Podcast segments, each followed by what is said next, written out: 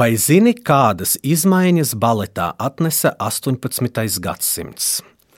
18. gadsimta otrajā pusē apgaismības ideju iespaidā Eiropas mākslā un arī baletā notika ievērojamas izmaiņas.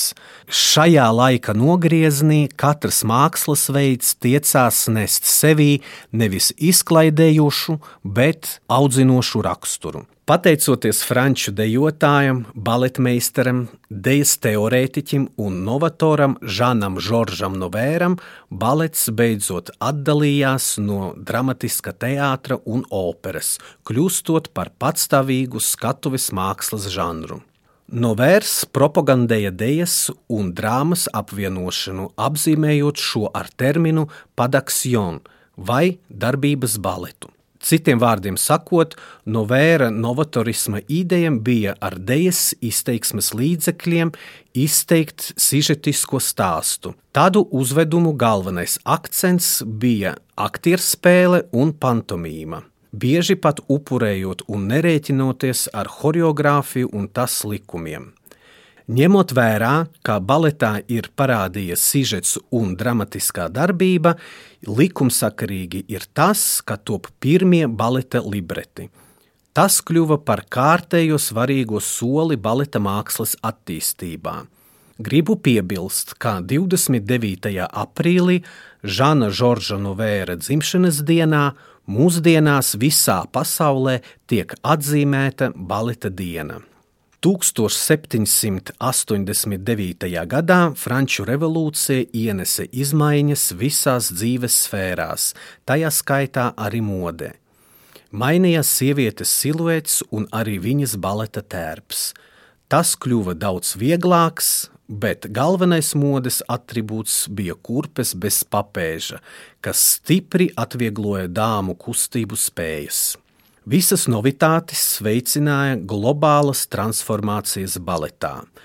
Tā dzīva romantiskais balets, un uz baleta skatuves sākas balerīnu valdīšanas ēra.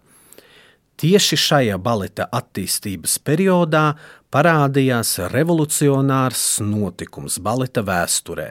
Pirmā balerīna, kura uzkāpa uz pirkstu kurpēm, jeb puantēm, Tradicionāli ir pieņemts uzskatīt, ka tā ir bijusi slavena baletmeistara Filipo Taljoni meita Marija Taljoni. 1832. gadā Marija Taljoni debitēja Silfīdas lomā viņas tēva iestudējumā ar tādu pašu nosaukumu. Silfīde ir cita pasaules gaisīga, maģiska bezsvara būtne – balets kļuva par sensāciju. Tas pilnībā izmainīja gan dēļas, gan baleta izrādes uztveri. Galvenajai varonei bija izveidots speciāls tērps, lai panāktu viņas bezsvara efektu. Tā bija gaisīga kleita ar zvana formas svārkiem un korseti, bet pats neparastākais Teljonis Silfīdas tēlā bija viņas apavi, jo Marija dejoja puantēs. Pateicoties šiem speciālajiem apaviem, balerīna spēja stāvēt uz pirkstu galiem, un balerīnas ķermenis izskatījās augstāks, slaidāks un elegantāks. Visā stājā parādījies vieglums un gaisīgums. Ir arī versija, ka pirmā dejotāja, kura ir uzkāpusi uz puantiem, bija baleta prīma Karlota Grīzija.